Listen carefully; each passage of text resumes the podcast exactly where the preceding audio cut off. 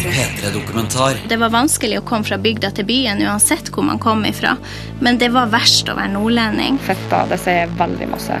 Og så bruker jeg sånne sammenhenger som eksempel hvis maten er veldig god, så sier den at fett er god. Men det er jo visstnok ganske godt med fetta. Lat og løs, en P3-dokumentar om hvorfor det er et nordnorsk studenthjem i Oslo. Mitt navn er Fride Kvalp Skarmo Hansen.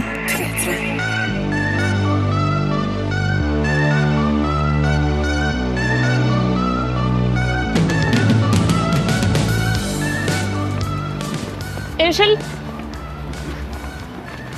Hei, unnskyld. Kan jeg spørre, eh, Nordnorsk studenthjem, hvor går jeg for å finne det? Vet dere? Nordnorsk studenthjem, vet dere hvor jeg går for å finne det? Nordnorsk studenthjem? Ja, nordnorsken kaller de det. Det er sånn. Ingen aning. det vet jeg ikke. Fint, ok, greit. Hvis du tar T-banen i retning Sognsvann i Oslo og går opp Berg, og deretter spør om veien til folk som ikke aner hva du snakker om, Unnskyld. Eh, vet dere hvor jeg går for å finne nordnorsk studenthjem? Hva for noe? Vet dere hvor jeg går for å finne nordnorsk studenthjem? Det har dere ikke hørt om. Nei, nei, da vil du etter hvert, helt på egen hånd, kjapt finne veien til skiltet som guider deg til nordnorsken. Det som med formell tunge kalles nordnorsk student- og elevhjem. Og som navnet tilsier, det er en studentheim reservert for folk fra de tre nordligste fylkene. Hei, er du Kristine? Ja, hei. Hallo. Velkommen til Nordnorsken. Tusen takk. Nordnorsken det er ei betongblokk med 147 hybler. Huset det har tre kjøkken, og det er ikke mer enn ca. to dusjer på deling for 25 hybler. Du bor ikke her for at det er så veldig fin standard, da? Litt slitt. Ja. Det er jo oleumsgulv, er ikke det det heter? På veldig, veldig mange av rommene, også er det sånn Mange av rommene har sånn knæsjfarger på skapet. Gjerne oransje eller grønt eller blått. Eller gult. Har du det? Gult. Ja. Og blå død. På et av de rommene jeg bodde tidligere, så var det to forskjellige farger på gulvet. Så var det sånn falmer av hvit, så det nesten ut som det var gule vegger og grønne skap. På kjøkkenet så er det ikke kjøleskap, men i stedet så er det et svært kjølerom fylt med oppbevaringsbokser. Sånn typisk sånn man har bagasjen i på togstasjonen. Og så er det hengelås på de her oppbevaringsboksene. Og denne hengelåstaktikken den finner du òg igjen dersom du dukker hodet ned i en av fryserne. Er det fryseren deres? Ja. Hva er opplegg? Kan vi se? Eh, Det hender jo at ting blir stjålet, da. Så da har man en, en bag med lås på. Hva er din bag? Den svarte der er min. Hva er, hva er det? Svenske kjøttboller og brød og ost. Jeg fryser lokket helt løst? Kort sagt så kan vel standarden oppsummeres med avisa Finnmarken sine ord ifra da huset ble åpna for 50 år siden. Et vakrere og mer representativt hybelhus kan man knapt tenke seg for vår nordnorske ungdom. Ja da. Jeg kan en på dere. De har jeg hilser på. Fem av husets jenter ønsker meg velkommen i ei stue som er dekorert med en byste av husets grunnlegger Nanna Hvitt. Og på alle kanter i dette huset så er det skilt med påskriften 'No Party Zone'. Er det Party Zone? Nei, det er no Party Zone. Hvor er det egentlig Park Zone? Jeg får seinere vite at rommet vi nå sitter i, det kalles for Nordnorsken stua. De har òg ei stue som kalles for Afrikastua, og det er noe jeg skal forklare mer om seinere. Men eh, nå tilbake til jentene. Er det noen som bor her pga. at de har lyst til å bo sammen med andre fra Nord-Norge? Det er jo, jeg kjenner at det er jo blitt litt sånn i ettertid. Men det er ikke det man tenker når man kommer hit. Nei, ikke når du kommer. Det første som jeg tenker, det er jo at det er billig, altså det er enkelt å få tak i, og det er grei plassering i forhold til sentrum og kollektivtrafikk og sånt. Men du har jo ikke lyst til å flytte herifra fordi at du, det blir mer hjemmefølelse når du kan snakke opp i ditt eget språk. Da. Alle skjønner det her.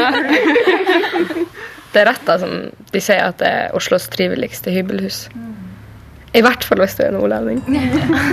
Men eh, spørsmålet her er jo hvordan har nordlendingene klart å tuske til seg sitt helt egne studenthus i Oslo?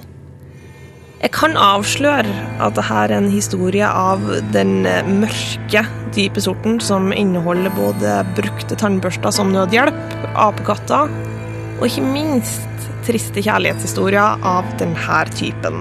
Jeg fikk jo en kjæreste som var søring, og da var det faktisk sånn at jeg tenkte går det an at en søring kan bli glad i meg? Det er i Trondheim i andre enden. Ja, nettopp. Men eh, vi skal la apekattene og den forbudte kjærligheten ligge et øyeblikk og heller starte historien med ei setning som for noen tiår siden var nokså vanlig syn i Oslo sine boligannonser. Nordlendinger uønsket eller ikke nordlendinger, kunne det stå. Hun som snakker her, hun heter Victoria Helstad. Hallo! Hallo! Og hun Victoria hun har skrevet master om nordnorsk identitet i møte med Oslo. Altså Den kjerneperioden som jeg har, har studert, er 60-tallet, og da var det ei stor tilflytting. Mange fra nord som kom til Oslo, og her var det fra før boligmangel. Så mange opplevde da å møte denne annonsen, og det sies at nordlendinger de var mer avslappa, de gikk roligere, og det ble sett på som en sånn slapp og lat holdning. Eh, I tillegg så hadde de ikke bare en annen dialekt, men også en annen måte å snakke på. De var mye mer direkte. I, på Østlandet så var det jo vanlig å bruke de, mens man, man brukte du i Nord-Norge. Og det, det, at man var mer direkte og hadde et annet ordvalg, det, det ble sett på som vulgært og brautende. Også så trodde man jo at, eh, at nordlendinger ikke kunne bruke toalett, at de bodde i gamma. Eh, og også så var jo ikke historien historia over hvis man jo en var så heldig å få en bolig. Blant annet så kunne man eh, oppleve at man ikke fikk lov å vaske fordi man vaska som en nordlending. Eller hvis man skulle være barnepike, så kunne man ikke få snakke nordnorsk for å ikke forurense de, de små ørene. Jeg har studert japansk. Japansk? Ja. Kan du si 'jeg er nordlending' på japansk? Eh, kara kimasu. Sjøl om hovedstadsbefolkninga i dag har kommet over frykten for forurensende nordlandsdialekter, så er det likevel flere av jentene på nordnorsken som sier at de må legge om når de møter unger. Maria hun går førskolelærerutdanning, og hun har blitt rutinert på å snakke bokmål. Jeg skal jobbe i barnehage, så hvis jeg sier sånn, nå må du gå og vaske fingrene, så går de og så vasker de én og én finger. Så jeg tror meg å si, nå må du gå og vaske hendene dine. Dere, og hvor hen, og når. Ingen som klarer å sette seg inn i hva, sammenhengen i det. Du kan jo si jeg snakker bokmål med ungene, og så snakker jeg dialekt med de voksne. Jeg òg. Når jeg jobber i barnehage. Men det er bare for at det, man blir lei ut av å gjenta seg sjøl. Liksom. Man sier det en gang, og så bare 'Hæ, hva sa du?' Og så sier man det igjen. Og når de ikke hører det da, da går det rett til bokmål. Det, så da gidder jeg ikke. Ja, så når jeg jobber i barnehage, så snakker jeg masse bokmål. Men Samme på jobber deltid på Narvesen også, så de fleste ansatte der klarer heller ikke å skjønne hva jeg sier når jeg snakker dialekt, så det går òg veldig mye i bokmål. Så det er stort sett på skolen her og jeg snakker i telefonen at jeg klarer å snakke, eller kan snakke dialekt. Og her tar samtalen en retning som er ganske typisk når nordlendinger snakker om Sør-Norge. Nemlig følelsen av at Nord-Norge er en slags løsunge som resten av Norge aldri riktig har tatt til seg som sitt eget kjøtt og blod. Eksempel på sommeren så kommer det sånn, sånn forsideoppslag i Dagbladet 'Nå kommer sommeren', og så er det liksom så blar det opp, så er det liksom i sør. Det er så, akkurat som vi noen ganger ikke er en del av Norge. Men det er jo også sånn eh, møter folk, sant? spesielt unger og, og utenlandske folk, så sier jeg 'Hvor er de fra?' Jeg sier jeg fra Finnmark. Å ja, hvor i Sverige ligger det? Kjære lille venn, det ligger ikke i Sverige, det er på toppen av Norge. Så ja, men hvor i Sverige ligger det? Så, jeg er ikke svensk, gå ja, så det er sånn eh, Det slår ikke feil. For bestandig spørsmål om jeg er svensk. Og så er de her når vi bor i lav. Har dere isbjørn i gaten? Ja, ja, ja, ja, vi bor i tietasjes lavvo med basseng på taket og heis, og bestemor sitter på yttersida og sykler så de får strøm. Virkelig gjør dere det? Ja, ja. jeg pleier å si at vi slakter hvis vi skal ha lunsj, så, eh, så hopper vi ut av lavvoen og så slakter vi oss en rein til. eh, Så tar vi hjertet, og så spiser vi den der og da. Sparer vi resten til kvelds. Men det er en sånn parodi på myten nesten det der om at man får høre at man bor i lavvo, men får dere faktisk høre det? Ja, Ja, ja. ganske ofte. Jeg Det får var høre mer, ofte. jeg hørte det mer da jeg var yngre enn da jeg var i Trondheim og, og besøkte bestemora mi. Så var det unger på lekeplassen som eh, spurte om det var isbjørner i gata og sånne ting. Og går man noen hundre år tilbake i tid, så er det ingen tvil om at Nord-Norge snarere ble sett på som et slags suspekt eventyrland framfor en del av Norge. Jeg gir eh, ordet tilbake til mitt akademiske alibi, Victoria. Man har jo annet på 1500-tallet en som heter Erik Valkendorf, som skrev til paven at nordlendinger skilte seg ikke nevneverdig fra ape. og han skrev også at, eh, at det var trollkvaler der, sjøormer, og at, at de også var ramma av en forferdelig tørke. Det var en konklusjon han dro på bakgrunn av tørrfisken som hang der. Og i nyere tid så har Nord-Norge blitt sett på som en annenrangs del av Norge. Gunnar Knudsen, som var statsminister i to omganger på starten av 1900-tallet, han uttalte en gang at i fall russerne tok Nord-Norge, så var ikke dette et så stort problem, siden vi da satt igjen med den sørlige delen, som alle visste var Norges kjerne. Når nasjonsbygginga tok til både her og rundt om i Europa, hvor nasjonene skulle, eller staten skulle skape en egen nasjonal identitet, Altså, vi skulle skjelle oss fra andre land. Dette er Norge. Og det nordnorske fikk da ikke lov til å gi innhold til den nasjonale identiteten, mens andre bygder og landsdeler fikk det. Det nordnorske ble tvert imot sett på som ei utfordring og, og, til og med litt sånn sikkerhetsmessig problem i forhold til at det, det var forskjellige folkegrupper som bodde der, samer, kvener. Og vi kjenner jo til samene som måtte på internat, ble fratatt ungene sine og skulle bli norske borgere. Og det samme, ikke like ille selvfølgelig, men nordlendingene også opplevde en slags oppdragelse for å bli gode norske borgere gjennom øvrighetsfolk, prester, leger osv. som ble sendt nordover. Så det er egentlig sånn det er egentlig en litt sånn underdog-historie? som har gjort at den nordnorske identiteten er så sterk for mange? Altså, den, den nordnorske identiteten har vært en utsatt identitet. Og, og når en identitet blir utfordra, så skjer det jo noe med den. Man kan godt forestille seg at folk de, de, står, de, de, vil stå sammen når de opplever at deres identitet er trua. Men det er jo ikke så å forstå at søringene ikke hadde medlidenhet med nord. På 20-tallet skrev avisene om den nordnorske nøden. Og folk på Østlandet de reagerte òg på å sende brukte tannbørster som nødhjelp nordover. Kort sagt så ble Nord-Norge sett på som et ganske stusslig sted. Hvordan går det med fisket? Det går svært dårlig i år.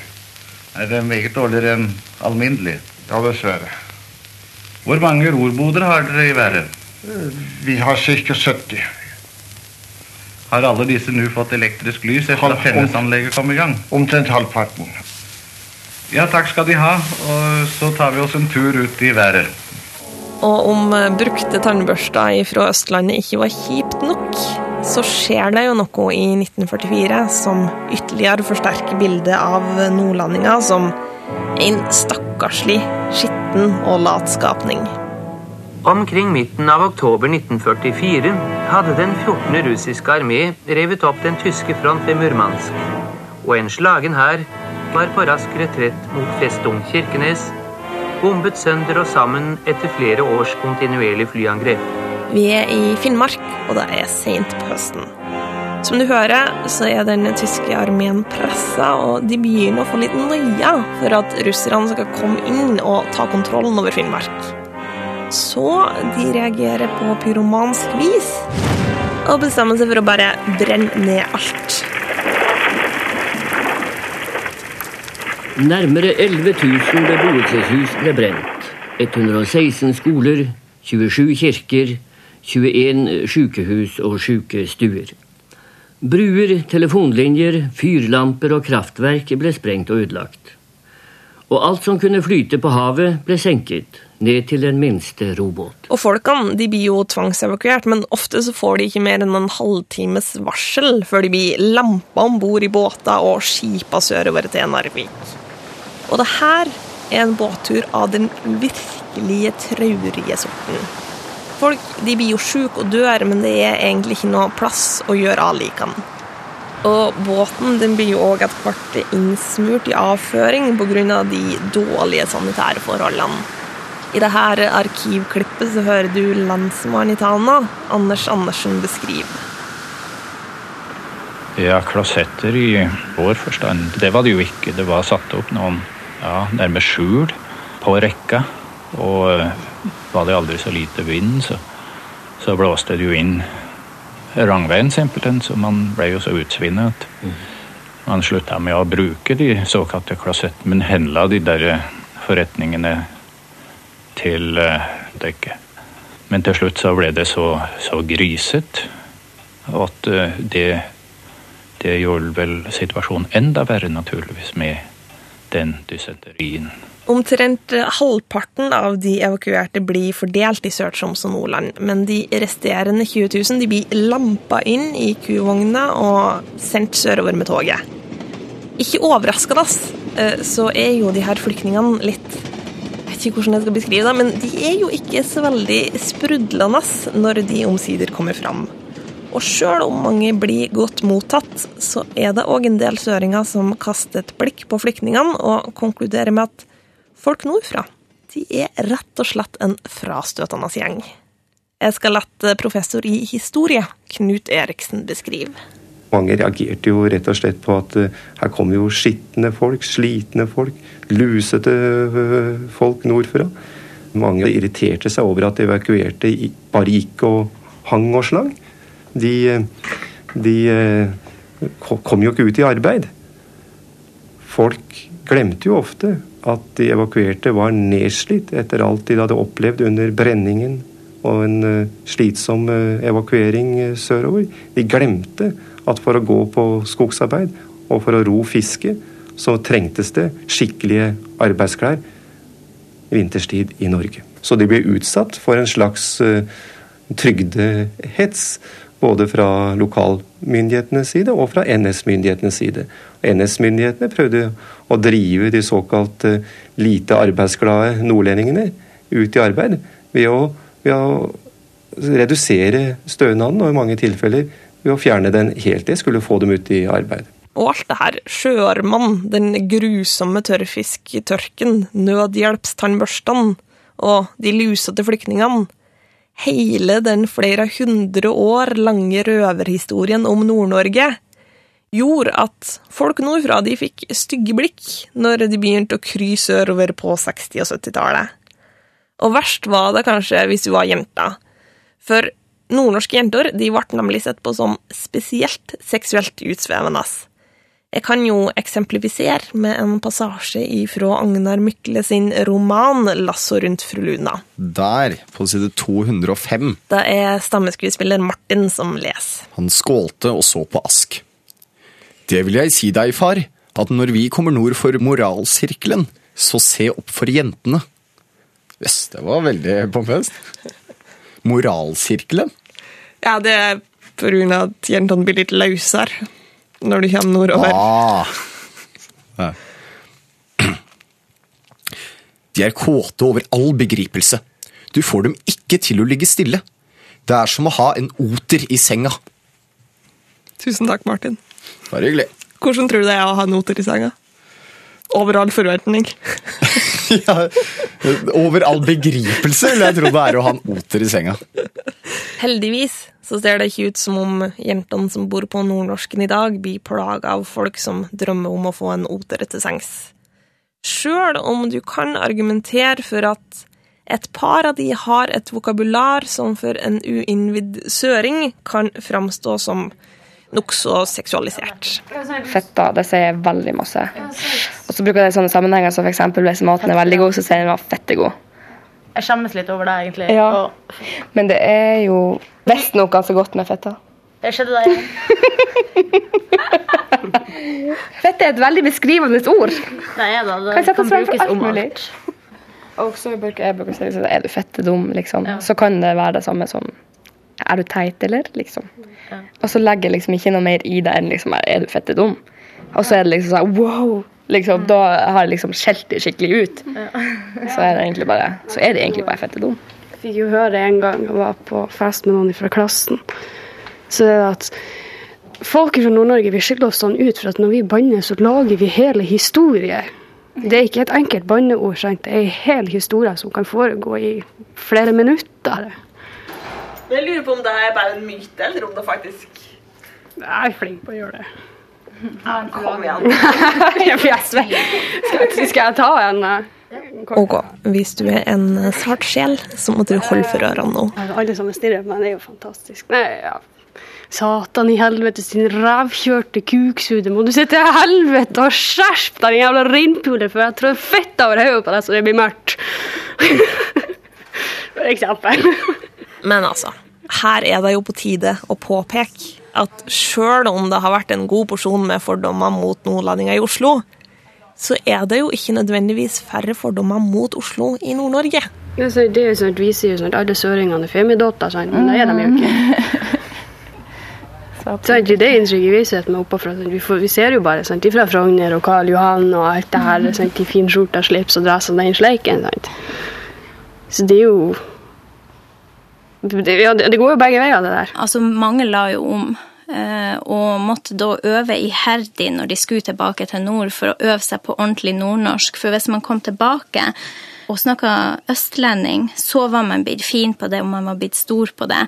Og det sies jo også at nordlendingene tok ikke bestandig så godt imot innflyttere. Det var om å gjøre å gi de nye bank, er det noen som sier. Og sjøl om du kanskje ikke får bank om du kommer som søring til Nord-Norge i dag, så finnes det ennå noen folk som hater Oslo. For et par år siden så var jeg på øya Træna i Nordland, og da møtte jeg en fyr som i løpet av ett minutt oppsummerer de mest stereotypiske fordommene mot Oslo. Foreteelser re- reiser langt unna Oslo. De gjør ingenting der nede. Det gjør bare vondt for oss som bor i distriktene.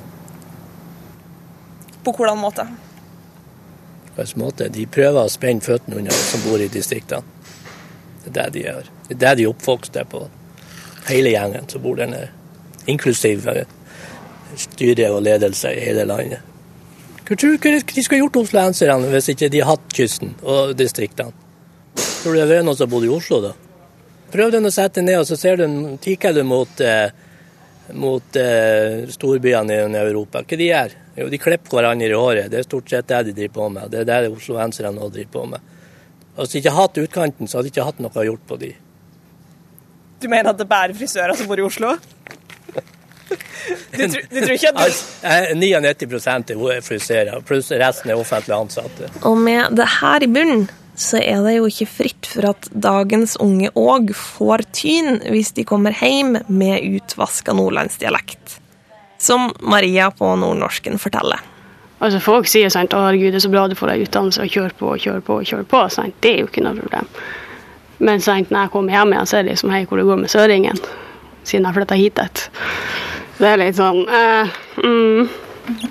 Tenk så Hvis jeg prater østlands, da, kan du si, i telefonen rundt folk hjemmefra til venninner jeg har her nede, så blir det litt sånn fliring og søringen er kommet hjem. Får dere kommentarer på at dere begynte å snakke penere? Jeg får det. Hva sier de? Nei, de sier må du slutte å snakke, snakke ordentlig. Rett og slett snakke ordentlig.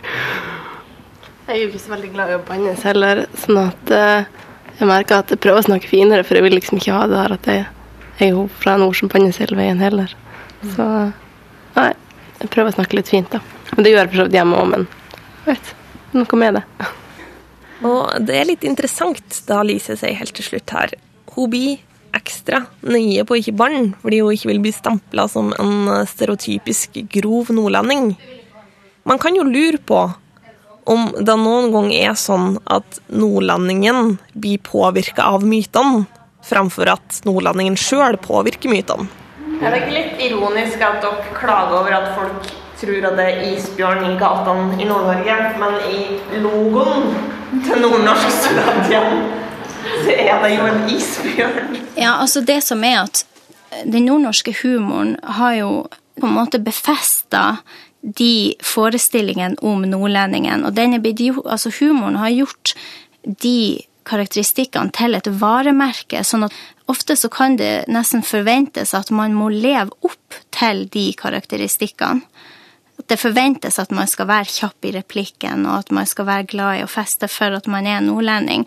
Men nå snakker jeg på egne vegne, altså. Det er ikke noe jeg har undersøkt, men jeg opplever det sånn at man skal fylle en rolle. Men det er jo ikke til å komme ifra at Nordnorsk studenthjem likevel er en etterlevning ifra fortida. Mange nordlendinger, meg sjøl iberegna, føler jo ikke at det er noe kulturelt skille mellom nordlendinger og andre folk. Og mange av oss mangler jo rett og slett et særskilt talent innen banning, tross vår regionale tilknytning. Det er klart at nordlendinger kan oppleve at dialekter blir misforstått, eller at de blir retta på når de kommer hjem og snakker såkalt pent. Men det er jo egentlig ikke noe annet enn folk fra Sogn eller Trøndelag òg kan oppleve. Ei side ved det her er jo at de kulturelle forskjellene mellom nord og sør for en stor del er utviska. Men ei anna side handler jo om hvordan identitet skapes følelsen av en regional gruppe, den, den får man ikke før gruppen skal eh, interagere med noen andre. Det er da det blir relevant at jeg og du er nordlendinger, mens de andre er fra Østlandet. Det er da en, en identitet virkelig skapes. Det i møte med andre. Er i gruppa isolert, så, så vil de oppfatte seg som en gruppe mennesker, og ikke en spesiell type mennesker. For både nordlendinger og søringer så er det i dag andre grupper som fyller rollen som den andre den vi måler oss imot og definerer vår identitet i kontrast til. Sjøl på nordnorsk studentheim så er det ikke lenger søringen som er motpolen. Det er nemlig sånn her at når de nordnorske studentene har fått de rommene de vil ha, så åpnes herberget for de andre. Og i praksis så vil det si at fordelinga i dag er ca. 60% nordlendinger og 40% utlendinger. Men eh, er det bare nordlendingene som henger sammen, eller henger de utenlandske i lag med nordlendingene? Eh, vel, dette er nordnorskenstua, og det er Afrikastua. kan ikke si det på radio. du sa akkurat det, gjør du ikke? Vel, men det er sant. Men det er litt sånn, det blir litt sånn For mange av de kan ikke engelsk, og i hvert fall ikke norsk, liksom. Og de holder seg litt for seg sjøl, og vi holder oss litt for oss sjøl. Det er ikke sånn at vi på en måte går og tar kontakt med de, og de tar ikke kontakt med oss, liksom. Det er bare blitt sånn. Det ble sånn i fjor, egentlig, men eh, det er åpent. Hvis man har lyst til å sette seg sammen med de, så er det jo ikke sånn at de jager ikke oss bort, og vi jager ikke de bort. Men det er bare blitt sånn at eh, Litt sånn fredelig apartheid? Ja. Her høres det jævlig ut. Jeg håper ikke mamma hører det her. Men sjøl om det ikke er noe særlig forskjell på folk fra nord og sør, og det nye motstykket til Nord-Norge nå har blitt Afrika, og sjøl om nordnorsken er en blanding av et fengsel og en psykiatrisk institusjon i sin visuelle utforming, så skjønner jeg det likevel når jentene sier at det er så heimekoselig å bo her. Man har liksom følelsen av å komme hjem, og så har du følelsen av å være hjemmefra. Når du er ung, og ennå ikke riktig har slått ned en plass, så tror jeg det er veldig mange som kan kjenne på en slags følelse av å leve i diaspora. Sjøl blant sånne som meg, som ikke har noen planer om å flytte nordover igjen, så finnes den følelsen, den følelsen av at det er en plass der ute hvor det alltid er fint vær om sommeren, og hvor alt lukter barndom og vafler. Nord-Norge det er en landsdel som veldig mange har flytta ifra, og derfor så er det jo ekstra mange eksilnordlendinger der ute som bygger opp forestillinger om det lovede land i nord. Og sært nok er det kanskje da denne stusslige 70-tallsblokka i Oslo er en plass for å holde liv i drømmen om magiske Modre Nord. Og bare være i lag igjen. er vi som før. Hvor skal vi hen? Vi tar en skål for det som var. For gammel tru, for det vi sa. For alt vi er uenige om. For lys og luft til mørke rom. Der vi kan se vårt eget svik. Vi er forskjellige, vi er lik. Og veit at hver gang vi møtes, har vi det bra. Vi er venner